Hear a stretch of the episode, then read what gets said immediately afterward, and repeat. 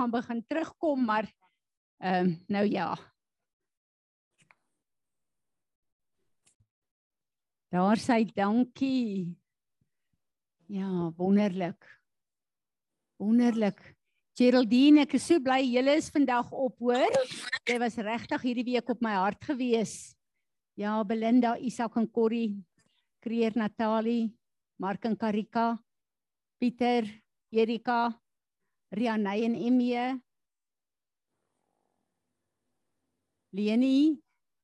Daar sê ons gee nog so rukkie kans vir die ander om in te skakel en gou-gou vir die mense wat ehm um, buite is om in te kom en hulle sitplekke in te neem.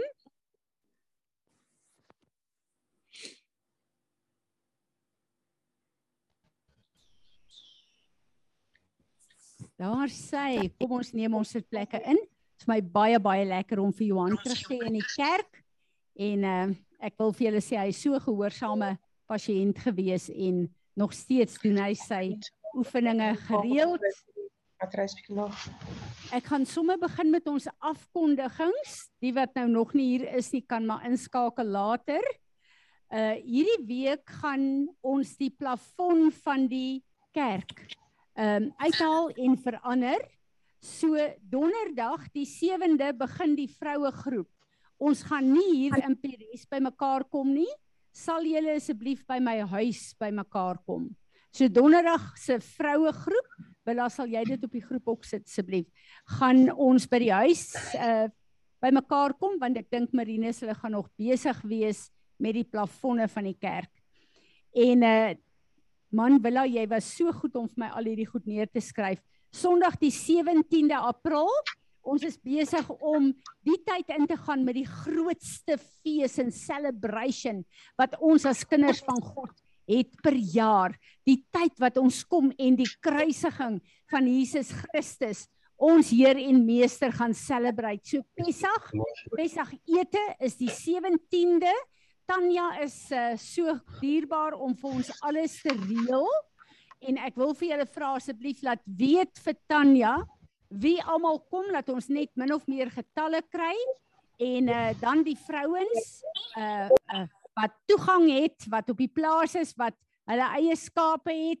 Ons sal min of meer 3 skaapboude uh afhangende van die getalle um, kry want ons gaan 'n skaapvleis ete hê wat vir teenwoordig die lam wat vir ons geslag is.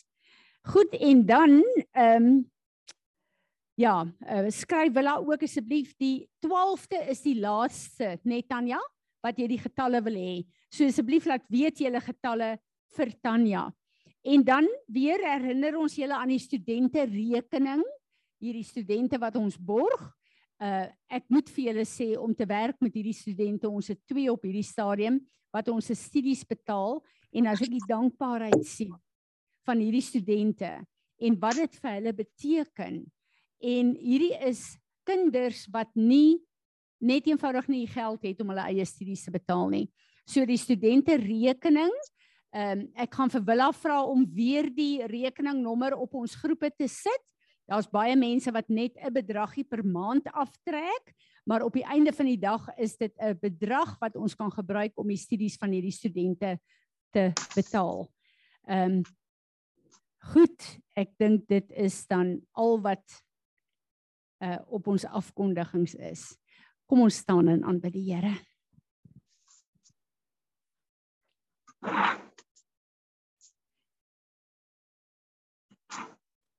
Vader, Here Jesus en Heilige Heilige Gees van God.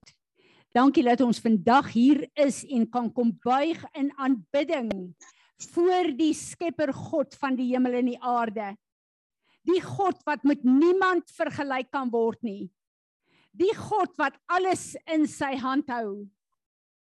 Die God wat se regterhand in beweging kom en alles wat ons nodig het voorsien en doen.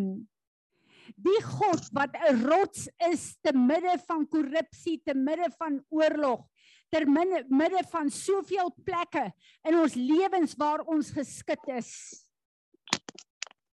Die God wat gister, vandag tot in alle ewigheid dieselfde bly.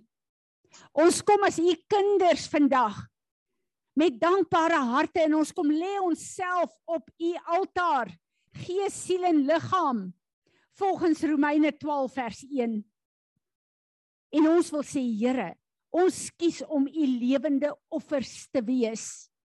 Kom verbrand alles wat nie lyk soos Jesus Christus nie, maar kom leer ons wat hierdie woord beteken en kom help ons Here dat ons lewe 'n uitloop van u woord sal wees, van u oorwinning sal wees, van u genesing sal wees en dat ons nie 'n gedagte van God saligheid sal hê, maar u krag is nie in ons lewens nie. Help ons. Daarom vra ons Heilige Gees van God dat u weer kom vaardig raak that you will come and hover over us, Lord, as the beginning of creation, and that you will bring a godly, a godly alignment in this morning, spirit, soul, and body. And we just want to come and magnify your holy name, Lord.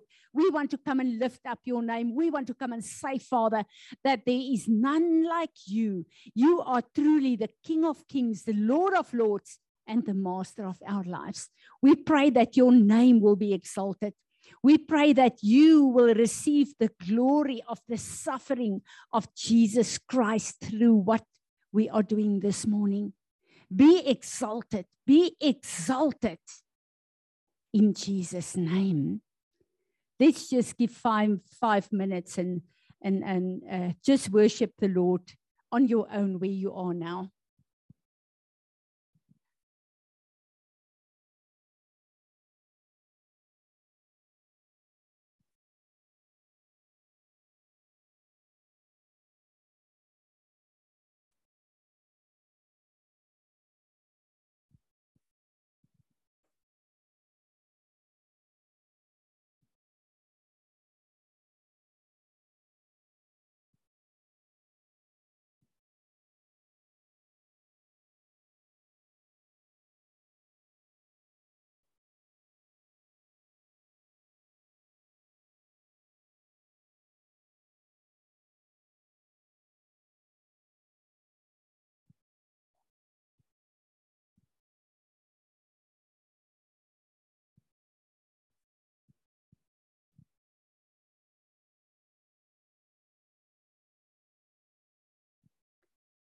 Amen.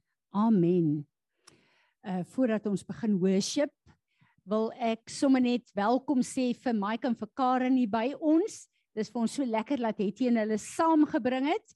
Uh die eerste keer toe ek bewus geraak het van wie hulle is en wat hulle doen, ek het so 'n keer of wat ingeskakel uh op hulle Zoom sessies, was ek so beïndruk want in my hart is daar iets wat lewe en julle wat my ken weet dat finansies gegenereer moet word deur goddelike besighede.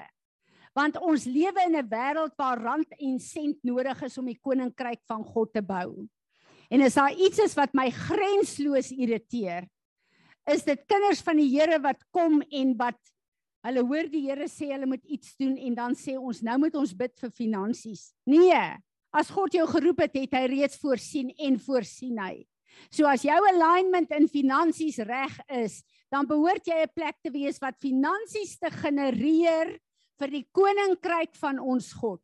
En daarom net soos wat ons die woord het wat 'n raamwerk plaas vir alles in ons lewe, so het God finansiële strukture en finansiële wisdom en 'n authority in sy woord geplaas wat in ons lewens behoort te wees sodat ons kan manifesteer hoe lyk die God wat ons dien.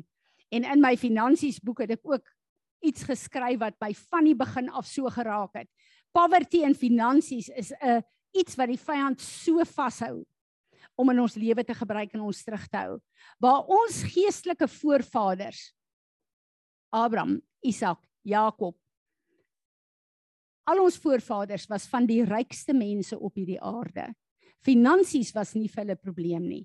En daarom is my hart dat ons besighede sal hê, dat ons op plekke sal hê waar hierdie finansies juk sal breek en waar ons die vryheid sal ervaar en waar God verheerlik kan word deur dit wat ons doen sonder dat ons oor ons skouers hoef te kyk vir finansies. So welkom julle twee. Dit wat julle doen het my hart aangeraak en ek weet ek het net 'n mespuntjie aangeraak van wat julle regtig mee besig is, maar uh, dis my baie lekker om te weet dat Etienne en uh, uh Piet en Natasha is betrokke by hulle en ek weet hulle bid vir julle. So kom ons staan en ons verheerlik die Here.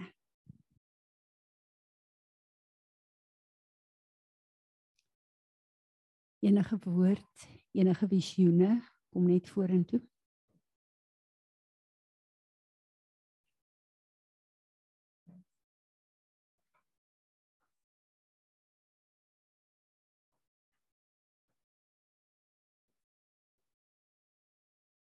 Nou iets wat jy het Marinus.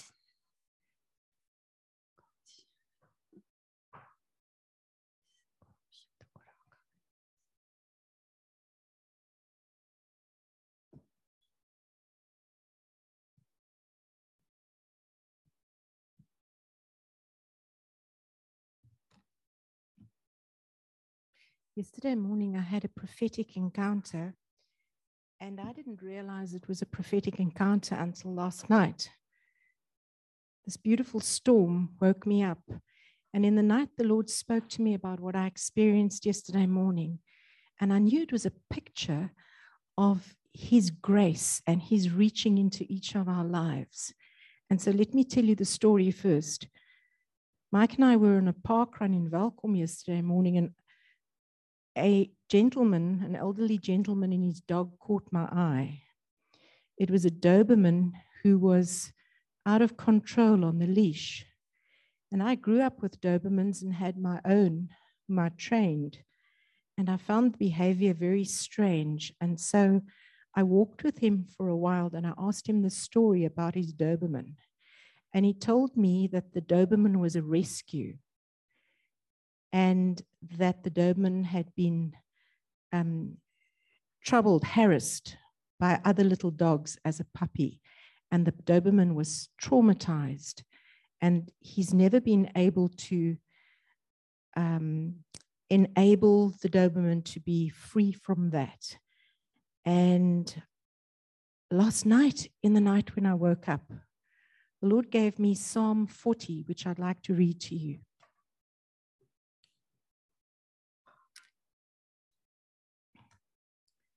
Van vers 2.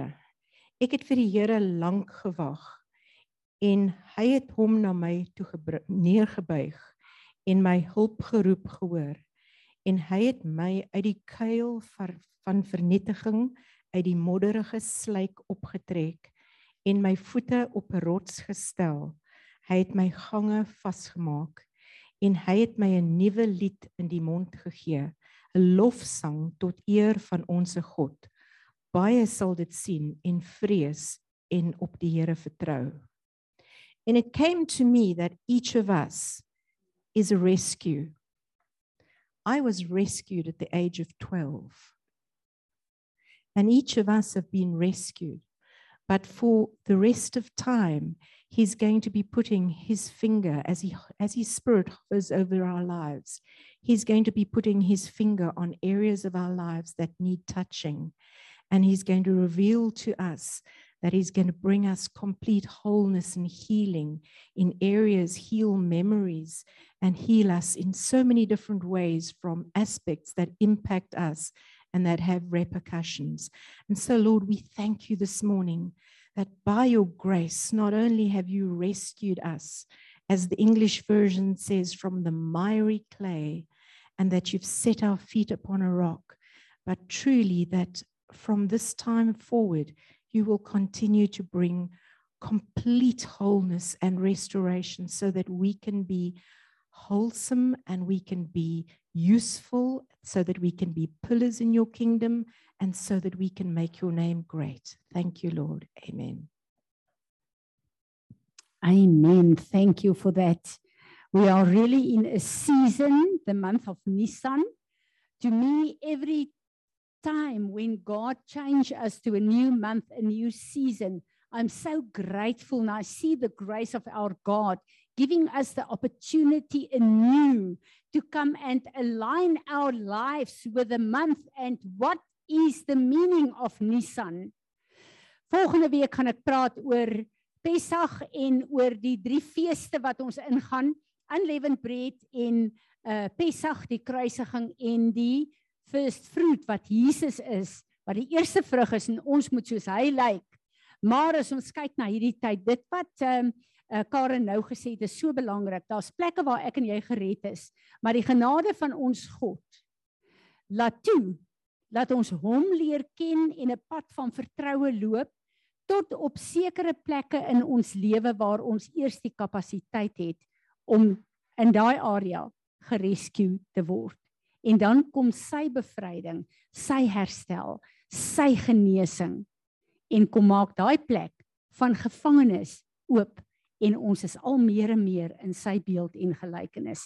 So hierdie is die seisoen daarvoor. Ek is baie opgewonde daaroor. Ek kyk na my eie lewe. Ek kyk na die counselling gevalle wat inkom en ek besef net dat ehm um, ons is in 'n wonderlike plek en as ons kyk na die die tye en die seisoene en veral Pessach, die kruisiging wat ons nou weer vier, dan is dit baie goed om te weet 2000 jaar terug, meer as 2000 jaar terug, is dit afgehandel vir my en jou en dis geaktiveer die dag toe ek en jy Jesus aangeneem het as ons persoonlike verlosser. Maar wat beteken Pessach in April 2022 vir jou in jou lewe? Wat is die realiteit in jou verhouding met God hierdie jaar vir Pessach? En ek bid dat die Here elkeen van ons so sal align in hierdie tyd dat die getuienis wat ons het in 2020 'n getuienis sal wees wat ons lewe vryer as ooit tevore maak, maar ook wat vir hom die eer gaan gee wat hom toekom uit ons lewens. The reward of his suffering for Francie van Wyk vir elke een van julle. So ek is regtig opgewonde daaroor. Ek is opgewonde dat ons volgende week begin praat daaroor en dat die Here vir ons die revelation gee van 20 uh 22 vir waar ons staan in Pessach. Uh ons is 'n huis van gebed, so ons begin weer eens eerste met ehm uh, dit wat ons voorbid en uh vir my is dit so lekker een van die die highlights wat die Here die afgelope tyd vir my gee is 'n skrif wat hy wat hy vir Samuel gesê het. Nie een van jou woorde sal op die grond val nie. En ek weet dat wanneer ek en jy kom as 'n huis van gebed en ons bid, die woorde wat God deur ons bid, nie een van dit sal op die grond val nie, maar die Here stuur volgens Psalm 103 sy engele uit om elke woord in vervulling te bring. So wat 'n voorreg is dit? Wat 'n wonderlike platform is dit nie vir my en vir jou om onsself te kan gee uh vir gebed vir die Here in hierdie tyd in ons lewe. En uh gaan net 'n bietjie op laat ek sien wie is almal daar. Marinus? Daar sy. Ehm um, Ansie, ek gaan vandag vir jou vra om 'n bietjie te bid vir Israel. En ehm um, laat ek gou sien wie is nog almal daar. Daar sy ehm um, Goed, Rian, ek gaan vir jou vra om asseblief vir ons te bid vir Suid-Afrika terwyl jy daar ver in Engeland sit.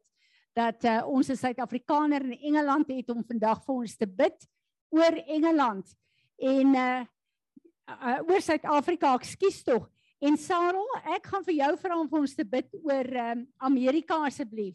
En uh, dan wil ek vir uh, Piet vra, Piet, sal jy vir ons bid oor die ongeluk situasie, uh, die oorlogssituasie asseblief. Um, ons weet teen hierdie tyd al uh oorlog is nie net Rusland en Oekraïne nie, daar's soveel onderliggende goed wat uitspeel wat in die planne van die vyand is wat mense nie na kyk nie en ons moet versigtig wees dat ons sal bid wat God wil hê ons moet bid.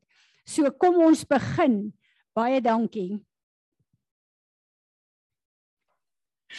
Ja, Vader, dit is vir my 'n ongelooflike voorreg om vandag hier te kan staan en hier so teen die berg te staan en die wind waai en dis dis koud. En in ons hart het warm. U is teenwoordig by ons in ons en deur ons. En wat 'n voorreg, Here. Ek is duisende kilometers weg van van Israel af, maar wow, God. Ons kan intree vir Israel want daar's geen afstand vir U, Here. En ek bid, Here, in die naam van Jesus, vat ons hande. Peres vat hande, Here, en en ons link by mekaar en ons vorm 'n muur van gebed rondom Israel, Here. En ons kom lê vir Israel aan U voete neer, Here. En ons bid dat niks wat nie van U is nie aan Israel sal raak nie. Volgens U volmaakte tydklok, Here. Wanneer dit U tydsklok is, wanneer daai rad begin draai, Here, dan sê ons ja en amen op wat U beplan. U tydsklok, u plan, u werking. Maar intussen tyd bid ons vir Israel, Here. Ons bid vir sy mense. Ons bid dat hulle sal bekragtig, Here, vir dit wat voor hulle vir hulle voorlê. Here, sonder U sal hulle dit nie kan maak nie. En ek dankie dat U hulle God is, Here. En dankie dat hulle U volk is. En ons herinner U net weer daaraan, Here, en vou hulle op, tel hulle op, vou hulle vas en beskerm hulle deur al die aanvalle van die vyand, Here. En dankie dat ons 'n voorreg het om vir Israel te kan bid. En ek weet ons sien 'n wonderwerk. Ons kyk uit vir wonderwerke in hierdie land, Here. Ons volg dit. Ons volg dit, Here, in die media en ons sien hoe wonderwerke gebeur. En ons sê vir U dankie, Here, in Jesus naam. Amen. Amen. Dankie Suid-Afrika. Um, Goeiemôre almal. Vader baie dankie dat vanoggend vir Suid-Afrika kan bid. Wat 'n voorreg om te kan bid vir 'n land waar ons nog steeds kan U loof en U kan prys. Om die vryheid te kan hê om te weet dat ons kan sê wat ons wil sê in die naam van Jesus. Vader baie dankie dat ehm um, laat daar dat vir elke persoon in Suid-Afrika wat vandag veilig is en baie dankie dat ek weet dat U hand oor elkeen van ons is. Ek wil bid Here vir die regering waar hulle nie altyd weet wat hulle doen nie, Here, en die goddeloosheid wat hulle toelaat. Vader, u woord is baie duidelik wat sal gebeur met al daai mense. Ek bid Here dat u na daai mense met nuwe oë sal kyk en dat u elke persoon wat nie in lyn is nie sal sal sal u Heilige Gees na hulle toe kom en hulle besoek in die nag en hulle elke dag besoek en hulle herinner dat die Here eerste moet staan in hulle lewens en dat Suid-Afrika weer terug moet keer om 'n godvreesende land te wees. Want u sê in die woord duidelik, Here, wat as ons 'n godvreesende volk is, sal u daar met ons wees. Ek sê vir baie dankie, Here, vir vir mense wat nog steeds goeie besighede het, mense wat nog steeds goeie huise het en onder huise kan slaap. En dankie dat laat ek weet mense het nog steeds geld om om te kan leef. Maar Vader, daar's 'n groot nood onder ander mense en ek bid Here dat U asseblief sal sal ingryp en en en mense op op hulle pad sal sit en hulle sal kan help en op op sal lig, Here.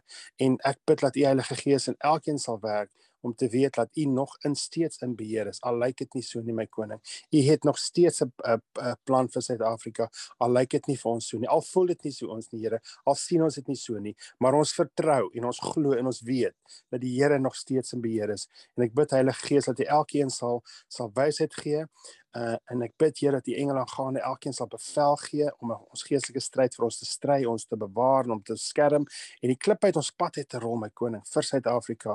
Groot is die heilige naam, Here. Ons profeteer dat Suid-Afrika sal terugkeer tot die land wat God hom wil hê en hy sal op die pad kom waar God hom wil hê in die naam van Jesus van Nasaret. Dankie my koning. Amen. Amen. Dankie Sarah.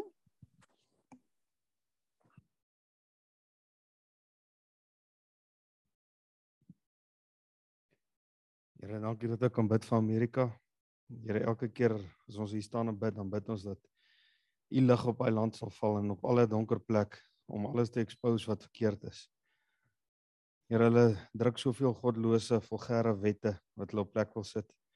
En hulle het so groot invloed op die res van die wêreld. En ek lees ruk terug van 98% van die leiers van Washington wat sal val as al die waarheid daar uitkom.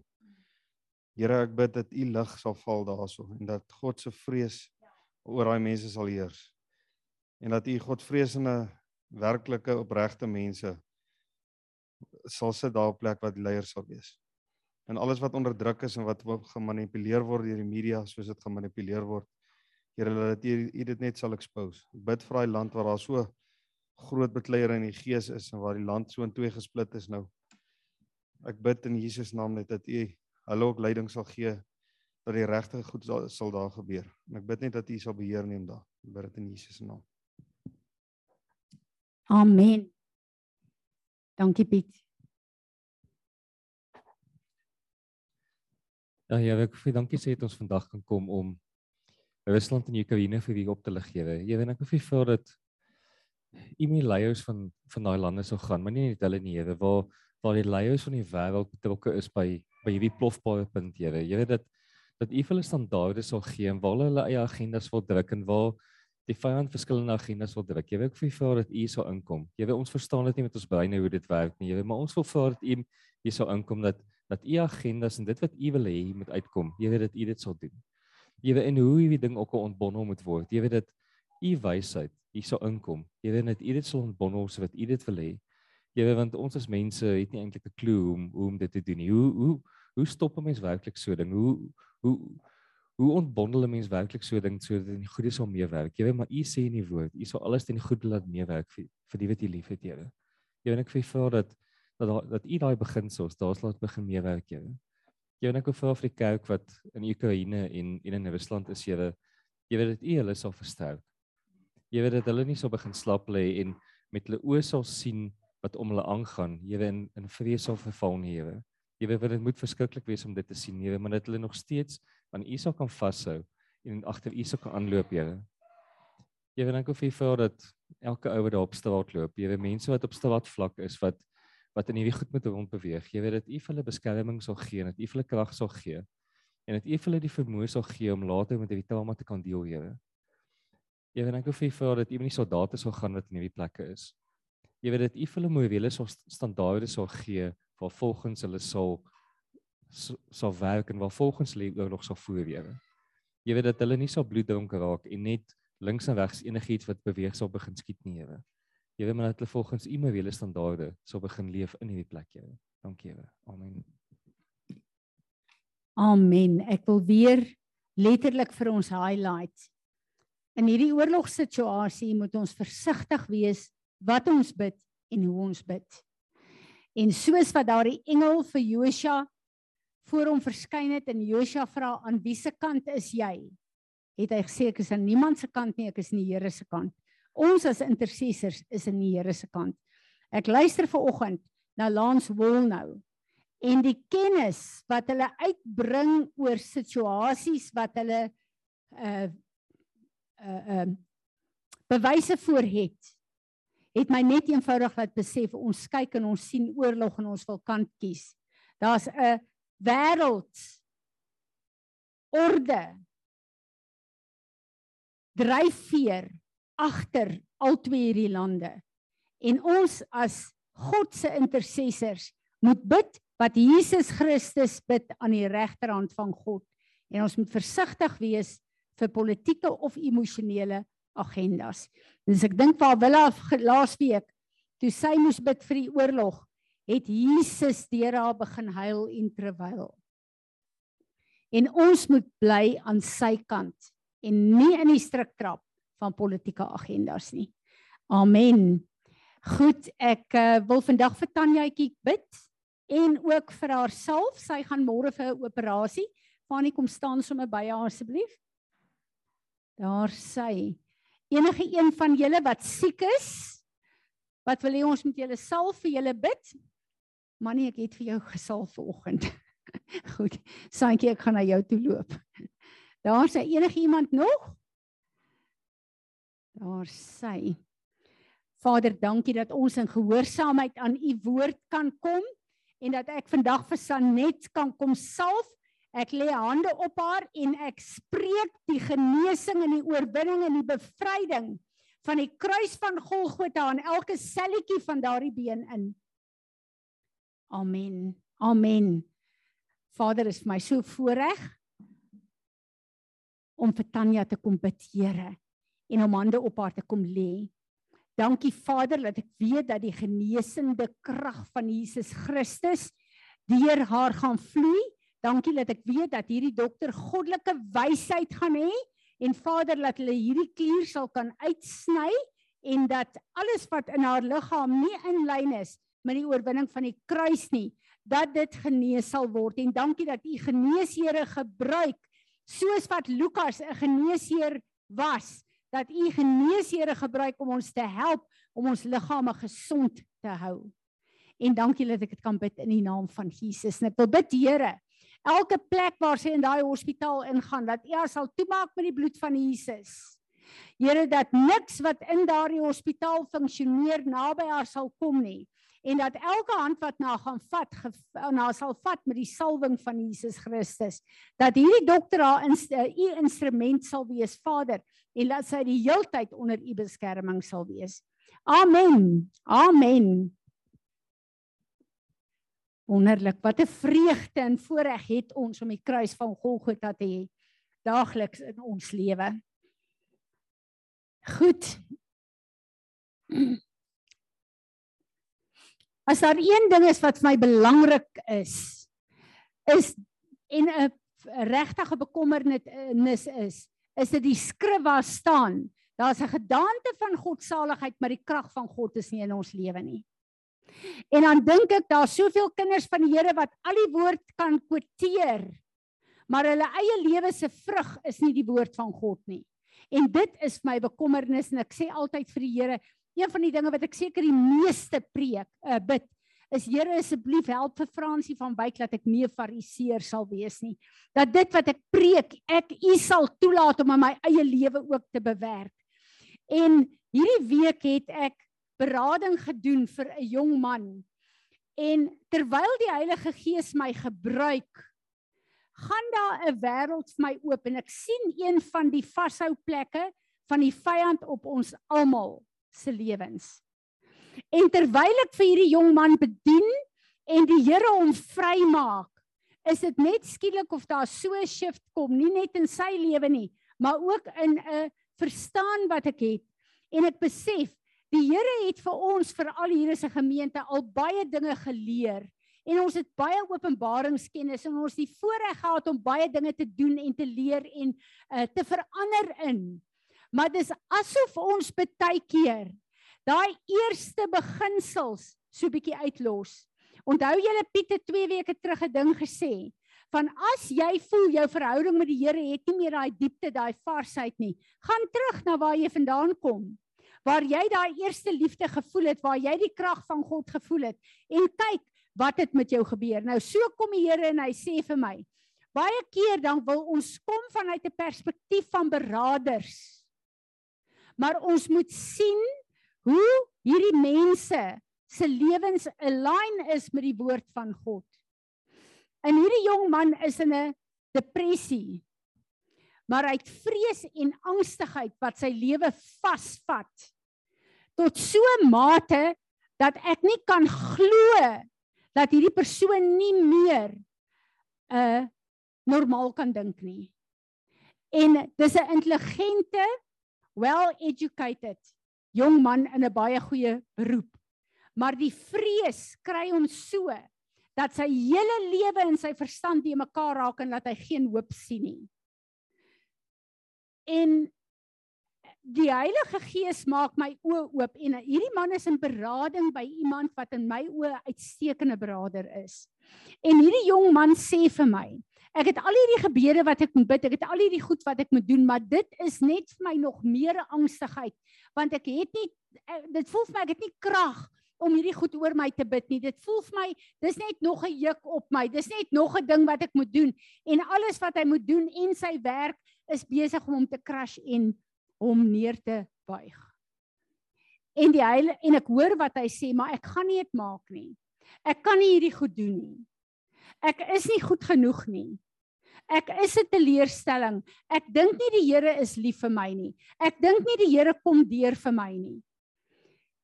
En skielik besef ek hierdie man wat wedergebore is, sy ou natuur, sy ou man is besig om hom te accuse. Nie die vyand nie, sy ou man. En die Here sê vir my ek moet hom terugvat en ek vat hom terug na Romeine 12 vers 1 toe wat ons so maklik bid en moet versigtig wees dat dit nie 'n klisjé in ons lewe raak nie. Therefore I urge you brothers and sisters by the mercies of God to present your bodies dedicating all of yourselves a set apart as a living sacrifice holy and well pleasing to God, which is your ra- uh, rational, logical, intelligent act of worship. Do not be conformed to this world any longer with its superficial values and customs, but be transformed and progressively changed as you mature spiritually by the renewing of your mind, focusing on godly values and ethical attitudes, so that you may prove yourself what the will of God is, that which is good and acceptable and perfect in His plan and purpose for your life. En ek sien in die gees waar hierdie man staan, maar waar sy ou man langs hom staan en hierdie ou man is besig om vir hom om te vertel, nie die vyand nie. Jy gaan nie dit maak nie, jy kan nie dit maak nie. Onthou jy dit en dit, al die teleurstellings, al hierdie goed. En ek besef daar's een plek wat ek en jy nie verstaan wat beteken dit om 'n lewende offer vir Jesus te wees nie. En ek het al in die verlede met julle gepraat oor 'n living sacrifice. Maar as ek en jy kom waar ons ver oggend gekom het en gesê het Here, ek kom lê myself as 'n offer neer. In die Ou Testament, die manier wat offers gedoen is, iets moet doodgaan. Iets moet sterf. Nou ek en jy het nou ver oggend op hierdie altaar geklim. Wat moet sterf? Want 'n sacrifice moet sterf. Ons ou natuur moet sterf. Maar dan staan ek en jy bekragtig deur die Heilige Gees in die karakter van Jesus op want ek en jy moet 'n verlenging van hom wees. En wat gebeur het met hierdie jong man? Is hy het toegelaat dat sy ou natuur weer opgewek word. En sy ou natuur het vir hom kom vertel dat alles wat jy in die verlede gedoen het as 'n mislukking, gaan nou weer gebeur. En vrees het van hom besit geneem. Dat daar letterlik 'n vesting van vrees is wat hom beheer het. Wat hierdie groot jong man laat begin bewe het dat sy tande klap. So manifesteer hierdie vrees op hom. En ek besef die Here sê vir ons in Korintiërs uh, 10 vers 2 tot 5 in 2 Korintiërs en ek wil dit vir ons lees.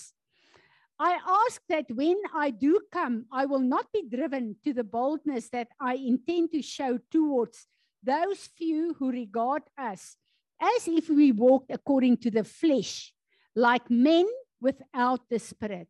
For though we walk in the flesh as mortal men, we are not carrying on our spiritual warfare according to the flesh and using the weapons of man.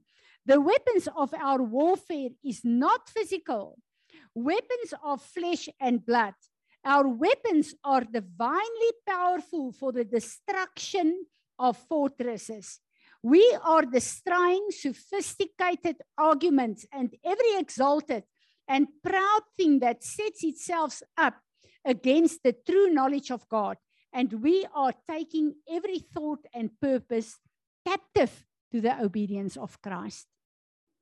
En skielik besef ek dat hierdie gees het 'n stronghold, 'n blyplek in sy verstand gekry omdat hy toegelaat het dat sy ou man weer terugkom en regeer in sy lewe. En hierdie woord van die Here bring die Here na my toe en sê: Hierdie is nie 'n fisiese geveg wat hy moet veg nie. Hier is 'n geestelike geveg. En hy moet nou kom en hy moet sy gedagtes gevangene neem vir die Here vergifnis vra dat sy ou natuur weer geheers het, dat hy dit toegelaat het en dan opnuut staan en sê Here, nou verbrand U hierdie ou natuur, dis my keuse. Maar ek kom en ek neem elke gedagte gevangene en ek trek nou hierdie stronghold af van vrees. En nou kom ek in die naam van Jesus Christus en ek bind elke mag van vrees en angstigheid en elke werker daarvan ek beveel julle om te gaan na die voetbank van Jesus. Romeine 16 vers 20 en jy sal nie weer terugkom nie. En skielik lyk dit of die son deurbreek op hierdie jong man se gesig. En hy sê hy weet nie wat gebeur het nie, maar hy voel net 'n verskriklike skuif, 'n vreeslike las wat van hom af is. En die Heilige Gees sê vir my Fransie, hoeveel keer is jy besig om gevegte te veg teen magte wat julle eintlik moet bestraf en beveel om te gaan. Meer mense in die koninkryk van God.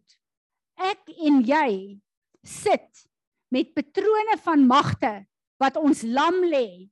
Wanneer laas het jy bevryding oor jouself gedoen? Het ek bevryding nodig? Kyk wat gaan aan in jou gedagtes aan. Is daar baie negativiteit? Is daar negatiewe patrone? Is daar 'n hopeloosheid? Is daar 'n moedeloosheid? Is daar 'n vrees? Dis onwettig in jou. Dis onwettig in my. Want Jesus het daarvoor die prys afgehandel op Golgotha. En ek en jy moet lyk soos die opgestane Jesus Christus, ons Here en Meester. En baie keer het ons so stryd in onsself om onsself reg te maak om te lyk soos Jesus dat ons nie agterkom hy is 'n mag wat my bind nie ek het bevryding nodig en dan te kom en hierdie magte te bind in die naam van Jesus hulle beveel om te gaan na die voetbank van Jesus en dan te vra Here elke plek wil ek nou vir u vra om te infiltreer met u magtige teenwoordigheid En hier is 'n leuen wat die vyand vir ons vertel in ons elke dag se lewe om vir ons te sê laat my toe om hier by jou te bly en jou te bind. Dis nie nodig dat jy bevryding hoef te kry nie want jy is mos wedergebore. Filippense 2 vers 12 sê Paulus skryf vir die kerk in Filippense, 'n wedergebore kerk van Jesus Christus Jy moet daagliks jou redding uitwerk met vrees en bewering. Daagliks. En ek voel ek en jy trap in die strikke van die vyand om dit nie te doen nie. En daarom aanvaar ons 'n klomp onwettige goed van die vyand in ons lewe wat nie daar moet wees nie. En hierdie goed maak trek ons af. Dit maak ons moeg, dit maak ons lam. Dit maak ons op 'n plek waar ons nie met die krag van God ons lewens kan aanpak en kan leef nie. En dit voel vir my in hierdie tyd van Pessag, is dit een van die die die strategieë wat die Here vir ons gee om te kyk nie net wat is sondige patrone in jou lewe om daarmee te deel nie, maar wat is onwettig in jou lewe? Wat akkommodeer jy wat Jesus afgehandel het op Golgotha? En ek is opgewonde in die gees want ek weet dat die Here is op 'n plek om hierdie Pessag seisoen vir ons 'n plek van celebration te maak. Maar ook, wat het gebeur na Pessag? Wat het gebeur na Eksodus 12 toe die eerste lam geslag is? Die Israeliete moes oppak en hulle moes die beloofde land ingeneem het. Wat is die beloofde land wat Vader God het vir my en vir jou in 2022? Ek wil vir julle sê, Daar is nie 'n onwettige mag wat my gaan terughou in hierdie seisoen om in te neem wat Jesus voorgesterf het nie. Hierdie is 'n seisoen wat ek nie lam gelê gaan word deur die werk van die vyand nie. Ek en my gesin, hierdie gemeente, my geestelike familie, ons is op 'n plek waar ek die vrug wil sien van dit wat hy voorgesterf het. Ek en jy het al die krag. Hy kom in Efesiërs en sê hy het al die rykdom wat hy het vir my en jou gegee. Wonderlik, glorie haleluja, maar wys dit vir my. Wys dit vir my in jou en my lewe. As ek en jy dit ontvang het, hoe moet dit manifesteer en lyk in ons lewe nou? En dit voel vir my of die Here letterlik 'n streep kom trek het en gesê het ek het 'n remnant wat ek uitroep. Ek het 'n kerk wat bekragtig moet word want hier's 'n wêreld wat verlore gaan. Ons is op die vooraand van die grootste inkom van 'n oes herlewing hier op aarde. As ek nie gereed is nie, as ek nog moet sukkel met al hierdie goed wat my terughou, waar gaan ek die tyd hê? Waar gaan ek die energie hê? Waar gaan ek die resources hê om vir God te wees wat hy my geroep het in hierdie tyd? En dan is daar 'n ding wat ek na geluister het wat nogal vir my so bietjie geroer het. ons harte. Hoeveel van ons is op 'n plek en dis wat Piet ook oor gepraat het 2 weke terug. Waar jy voel ek is nie teenwoordigheid van die Here. Ek hoor die waarheid van sy woord. Ek is in worship. Maar dit voel vir my of daar iets is wat my nie laat connect nie. Dit voel vir my almal ervaar die teenwoordigheid van God, maar ek nie. Wat is verkeerd? Die woord sê ek en jy het 'n hartheid van hart gekry. Nou hoe op aarde kan dit nou gebeur? Ons is dan kinders van die Here. Kom ons kyk 'n bietjie wat die woord sê. Een van die ontstellendste skrifte wat ek gelees het is in ehm um, Markus 52 en 53. Hierdie is die plek na die vermeerdering van die brood en die visse. Waar die disippels in ongeloof gestaan het oor hierdie vermenigvuldiging van die brood. En vir die Here gevra het, hoe was dit moontlik? En die Here het vir hulle gesê, hulle het nie verstaan wat hy gedoen het nie en hulle was totaal ehm um, uh uh verstom gewees vers 52 for they had not understood about the loaves but their hearts has been hardened. Hardened. So hier kom die Here en hulle vra vir Jesus hoe kon hy dit gedoen het? En hulle kon nie geestelik onderskei wat gebeur het nie. Want Jesus sê vir hulle dis omdat julle harte hard is. En ek dink, "Wow, hulle is sy disippels. Hulle leef saam met hom. Hulle kyk na al hierdie goed. Maar terwyl hulle in die teenwoordigheid van die Here is, kan hulle nie geestelik onderskei wat aangaan nie, omdat hulle harte verhard is. So ek en jy is wedergebore kinders van God. Moenie dink ons harte kan nie verhard word, eelte opkry nie. Al het ons elke dag te doen met wat hy doen en wie hy is.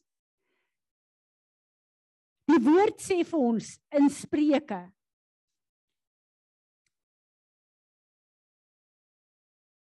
Die Here weeg ons harte. Nie ons wee nie. Hy weeg ons harte. En dan sê Spreuke 21 vers 2. Eh, Every way of a man is right in his own heart, uh, eyes, but the Lord weighs the heart. God kyk wat in ons harte aangaan want Spreuke sê ook as in water face reflects face. So the heart of man reflects man. Wat in my en jou harte is is wie ons regtig is. En God sien ons harte. Hy weet wat in ons harte aangaan. En is my en jou se lewe. Toelaat dat die ou man met ons praat en ons voetstappe rig, dan beteken dit ons harte is nie aan Jesus ons bruidegom verbind nie. En as ons kyk na Dawid wat 'n klomp nonsens in sy lewe aangejaag het, maar sy hart was by God gewees. En God het sy hart geweeg, want Dawid se hart was afhanklik van God, bewus van sy sonde, maar sy hart het ook geweet Hy het God nodig om sy lewe uit te loop. Hy het God nodig om te doen wat gedoen moet word. My en jou harte reflekteer wie ons regtig is. En as daar 'n plek is waar ek en jy sit in 'n wonderlike seisoen, in 'n wonderlike plek van worship en ek ervaar nie die teenwoordigheid van die Here nie. Ek hoor nie sy stem nie. Ek voel nie sy aanraking nie dan moet ons weet erns is daar 'n plek waar ons hart verhard het. En dan moet ons die Heilige Gees terugvat om vir ons te wys waar het ek offens geneem? Waar het ek bitterheid? Waar het ek haat? Waar het ek onvergewingsgesindheid? Waar is die goed wat ek aanstoot in u geneem het? Waar is die plekke waar ek ongehoorsaam is waar u oor en oor vir my sê Ek wil hê jy moet my volle woord gehoorsaam. Nie net jou pet scriptures nie.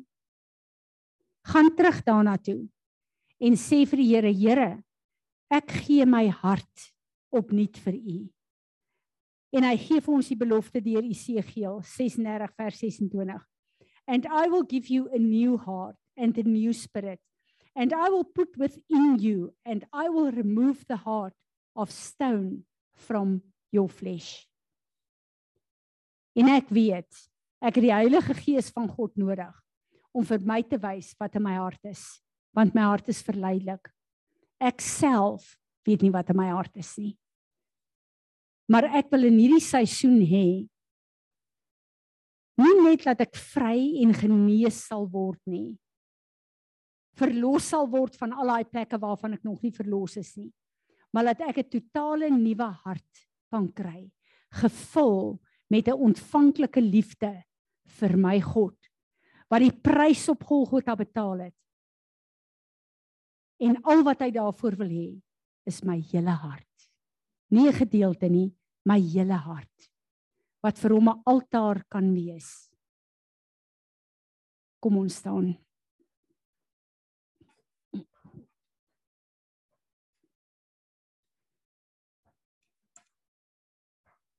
Vader, ons kom vandag en ons wil kom buig in afhanklikheid voor U. En ons wil vanoggend vir U sê, Here, sonder U is die lewe nie die moeite werd nie. En ons wil opnuut kom en ons wil ons harte voor U kom bring. En ons wil vra Here, alles wat in ons harte weggesteek is, al daai plekke wat ons nie u woord wil gehoorsaam nie. Ons wil vra, maak dit oop en wys ons. Ons wil ver oggend kom vergifnis vra. Dat ons ons vlees en ons ou natuur wil laat heers. En so ons harte vul dat daar nie plek is vir u heilige teenwoordigheid nie. Vergewe ons.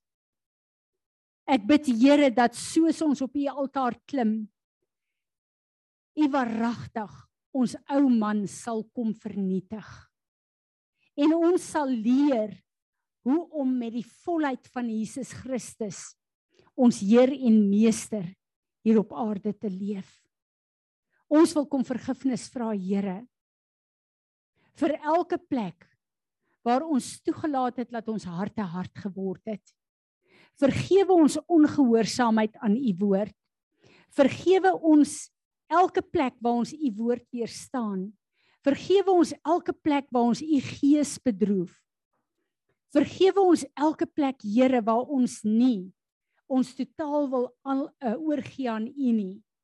Waar ons gedeeltes van ons hart vir u wil gee, maar nie ons hele hart nie. Vergewe ons. Heilige Gees, kom leer ons. Ons wil vandag opnuut ons harte voor U kom hou, Here, en vra dat U die harde harte van klip sal uithaal en dat U vir ons 'n hart van vlees sal gee, gevul met U heilige teenwoordigheid.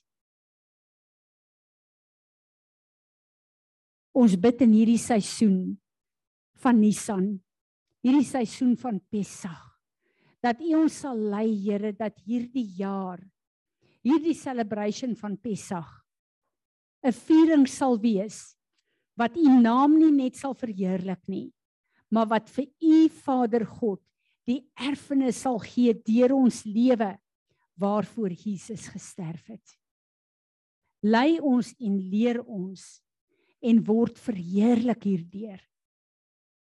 En ons sê almal saam: Amen. Amen. Ek bid dat die Here vir ons in hierdie Pessach 'n erns sal gee wat ons onsself vir hom sal gee op 'n manier wat hy 'n werk in ons kan doen om ons gereed te maak vir die remnant van die eindtye wat moet inkom. Amen. Nou kan ons sit en ons kan laat Piet vir ons die verbondsmaal kom doen wanneer ons dit celebrate dan het ek 'n dankbaarheid in my hart om te weet dat hy as God het hierdie groot groot offer vir ons 'n fisiese maaltyd kom maak waarna ons deel kan wees. Dankie Piet. Ek wil vandag met 'n praktiese ding kom. Want ehm um, wat vir my altyd interessant is, ek meen ons het van vanoggend klomp goed gehoor, maar wat beteken dit maandag vir ons? Jy weet wat wat gaan maandag gebeur en dis en dis eintlik baie eenvoudig. Jy weet maandag gaan ons gaan ons opstaan en Evans gaan daar iets gebeur. Daar gaan 'n werker wees wat bietjie te veel gedrink het die naweek. Daar gaan nuus wees waarvan ons nie gaan hou nie. Daar gaan iemand wees wat iets gaan doen waarvan ons nie eintlik jy weet lekker gaan hou nie en wat gaan gebeur? Ons gaan 'n Doberman wees wat net die klein hondjies wil verskeer. En dit gaan natuurlik vinnig gebeur. Ons hoef nie eens daaroor te wonder nie. Ons gaan baie vinnig by daai plek uitkom dat ons die Doberman gaan wees en ons gaan jy weet iets wil verskeer hier langs die pad. Maar ek meen op 'n praktiese vlak wat hoe gaan ons vandag dan toepas? Jy weet môre en, en dis 'n storie wat ek wat ek lank terug gehoor het wat 'n beginsel vir my verduidelik wat ek wat ek regtig elke dag probeer toepas. En selfs daai beginsel vergeet ek van tyd tot tyd. En uh dis interessant, dis 'n ou wat in wat wat in Sydney geswat het in in in Australië. En hy sê hy het jy weet hy, hy het verskriklik hard gewerk daai jaar en hy is nie eintlik 'n besonderse goeie student nie en hy het hy genuen moeite gedoen om hierdie jaar regtig, jy weet, hard te leer en en hy het en hy het regtig by 'n plek uitgekom waar hy waar hy okay is. En hy het en hy genuine het 'n goeie jaar agter die rug, maar hy het weer een eksamen. En as hy hierdie een eksamen maak, was hierdie hele jaar, jy weet, net die wonderlikste ding onder die son gewees, maar as hy hierdie eksamen nie maak nie, dan het alles wat hy hierdie jaar gedoen het, val net totaal na plat. En hy leef die vorige aand, hy leef verskriklik hard en hy hy stel sy wekker en hy en hy sit alles reg en hy berei verskriklik goed voor vir vir môre se eksamen. En so gaan slaap hy. En die volgende oggend skrik hy wakker en hy besef maar hy het verslaap. Hy het besef maar hy's hy's nou in die moeilikheid. Hy hy hy het regtig verslaap en hy kyk op sy horlosie en hy sien jy's maar hy moet hy moet regtig vinnig klaarmaak. Hy het, hy het net genoeg tyd om by die treinstasie uit te kom sodat hy by die universiteit kan uitkom en hy jaag hom klaar te maak en alles is is die mekaar en hy het hierdie gedagtes hier in sy kop van hoe belangrik hierdie jaar is en hoe belangrik hierdie eksamen is en as hy die eksamen nie maak nie weet vir alles plat en hierdie julle julle weet as, as as goed met ons gebeur en ons hierdie gedagtes dan begin dit net so jy weet in ons in ons koppe ingaan en en, en hy's besig met hierdie ding en hy hardloop in die straat af en hy kom by die treinstasie aan en en toe hy daar kom toe toe stop die trein voor hom en hy spring by die trein in en hy gaan sit. En toe hy gaan sit het hy so 'n oomblik wat hy so agteroor sit en hy en hy ontspan en en hierdie gedagtes gaan weer deur sy kop van hoe belangrik hierdie eksamen is en en hoe jy weet as hy hierdie eksamen nie maak nie hoe die hele jaar gaan platval en hoe e-, eintlik sy hele toekoms afhang van die een eksamen. En toe die trein ry toe besef hy maar hierdie trein gaan die verkeerde rigting. En hy kyk rond en hy besef maar in sy haastigheid was hy hopeloos te vroeg geweest en hy het op die verkeerde trein geklim. Hy het nie die moeite gedoen om eers te kyk op wat het, jy weet wat het terwyl hy geklim het nie. En toe begin hy hy paniek vang en in hierdie gedagtes van deur sy kop maar jy weet hy het hy het die eksamen en hy moet betyds wees en as hy die eksamen nie maak nie en sy hele toekoms hang hiervan af. En soos wat treine maar werk in 'n stad, jy weet 5 minute later stop hy by die volgende treinstasie en die deure gaan oop en die deure gaan toe en hy ry. En hierdie ou is nog steeds op die trein en hy dink nog steeds in hierdie goed en en jy weet hoe dit is as mense met hierdie goed, jy weet sukkel. Hierdie gedagtes begin so lekker kring maak in jou kop. En 5 minute later stop hy by die volgende stasie en die deure gaan oop en die deure gaan toe en hy ry. En so wat 'n stad nou maar is, begin treinstasies al hoe verder gaan en dit naderhand vat dit 10 minute om by die volgende treinstasie uit te kom en 20 minute om by die volgende treinstasie uit te kom. En so begin die trein naderhand uit die uit die stad uit gaan en die trein gaan naderhand aan die volgende dorp toe. En so 'n halwe dag later stop die trein by 'n dorp redelik ver van Sydney af en die deure gaan oop en die trein stop. Die trein het nou gestop. Dit is sy laaste stop. En die ou sit daar in sak en as en die konnekteur kom verby hom en sê vir hom maar jy weet wat waarmee is jy besig? Jy weet wat wat wat gaan nie aan? En die ou begin vir hom sy hele storie verduidelik. En die konnekteur kyk hom so aan. Hy sê vir hom luister, hoekom het jy nie trein afgeklim nie? En dit is eintlik presies die ding Jy weet, ons het 'n manier om op 'n trein te klim. En partykeer weet ons nie eers dat ons op die verkeerde trein geklim het nie. Goed gebeur met ons en ons word hierdie Doberman. En ons besef nie noodwendig altyd wanneer ons hierdie Doberman word nie. Maar die triek is, is wanneer klim ons af. Jy weet, die die die regte het 'n het het 'n term wat hulle gebruik wat hulle sê 'n lucidum intervallum. Dit beteken 'n helde oomblik. Dit beteken oral waar ons gaan is daar is daar altyd hierdie helde oomblikke wat ons kry. Nou die triek is is om daai in daai helde oomblik van die trein af te klim. En hoe vinniger ons van die trein afklim, hoe makliker is dit. En baie keer gaan dit vir ons baie lank vat om van die trein af te klim, afhangende van hoe goed in ons ingeprent is en hoe sterk hierdie bane in ons is. Maar die oomblik as ons van die trein afklim en daai trein nie meer krag oor ons nie. En dit is baie maklik om altyd te hoor neem jou gedagte gevangene weerstaan die duiwel. Maar die feit van die saak is ons word daai Doberman, ons klim op die trein. Maar ons moet so vinnig as moontlik van die trein afklim as wat ons kan. En in daai plek dink ons altyd aan onsself, maar jy weet, ons het nou al weer gefaal, ons het nou weer nie reg gekry nie. Ons het nou al weer dit nie gemaak nie. Maar tog sê die Here vir ons maar nader tot my en ons sal jy weet hy sal en hy sal tot ons nader. En dit is my 'n mooi ding van die jy weet van die verlowe seun wat jy weet die oomblik toe toe hy terugkom, wat die pa kan sien hy kom terug, toe die pa na hom toe gegaan. Die afstand is altyd korter om terug te gaan huis toe as wat dit is om om daar uit te kom. En ek dink dis 'n plek waar ons bietjie bewusting moet vind. En ek wil net eintlik een ding van 'n haai vertel wat vir my eintlik baie interessant is. Jy weet, haie haie eet nie mense nie. Jy weet, maak nie saak hoe bang mense vir haie is nie. Haie eet nie mense nie. Hulle weet maar jy is nie hulle kos nie. Maar die ongelukkig die probleem van haai is as hy jou verwar met iets anders, die enigste ding wat hy het waarmee hy kan voel is sy tande. So nou kom hy by jou en dan voel hy en dis hoekom min mense doodgaan van haai buite want hy kom voel in die oomblik as hy dit agterkom, dan kom hy agter o, gits, maar jy weet nie my kos nie en dan los hy.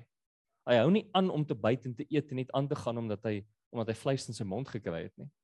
Dis nie hoe haai werk nie. En ek dink dit is 'n belangrike ding om agter te kom, jy weet, maak nie saak wat jy weet wat se gemors ons mee besig is nie. As jy dit agtergekom het, stop daarmee en klim van die trein af.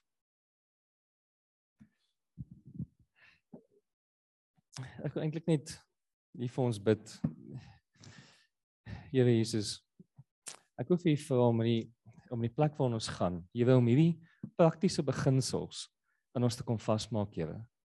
Jy weet dat u die helde oomblikke vir ons sal uitwys. Here in elke situasie is daai helde oomblik. Here mag gee ons die vermoë om in daai helde oomblikke die exit bordjie bordjie te kan sien om van die treine af te klim, Here.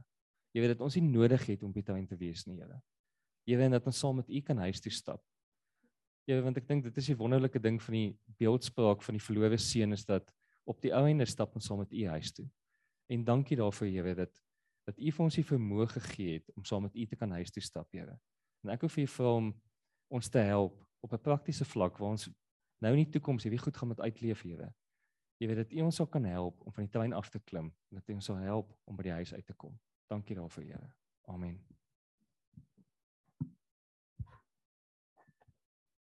Rinus het vinnig die seën uitgespreek wat vir my absoluut wonderlik is, maar ek wou voor dit vir julle gevra het.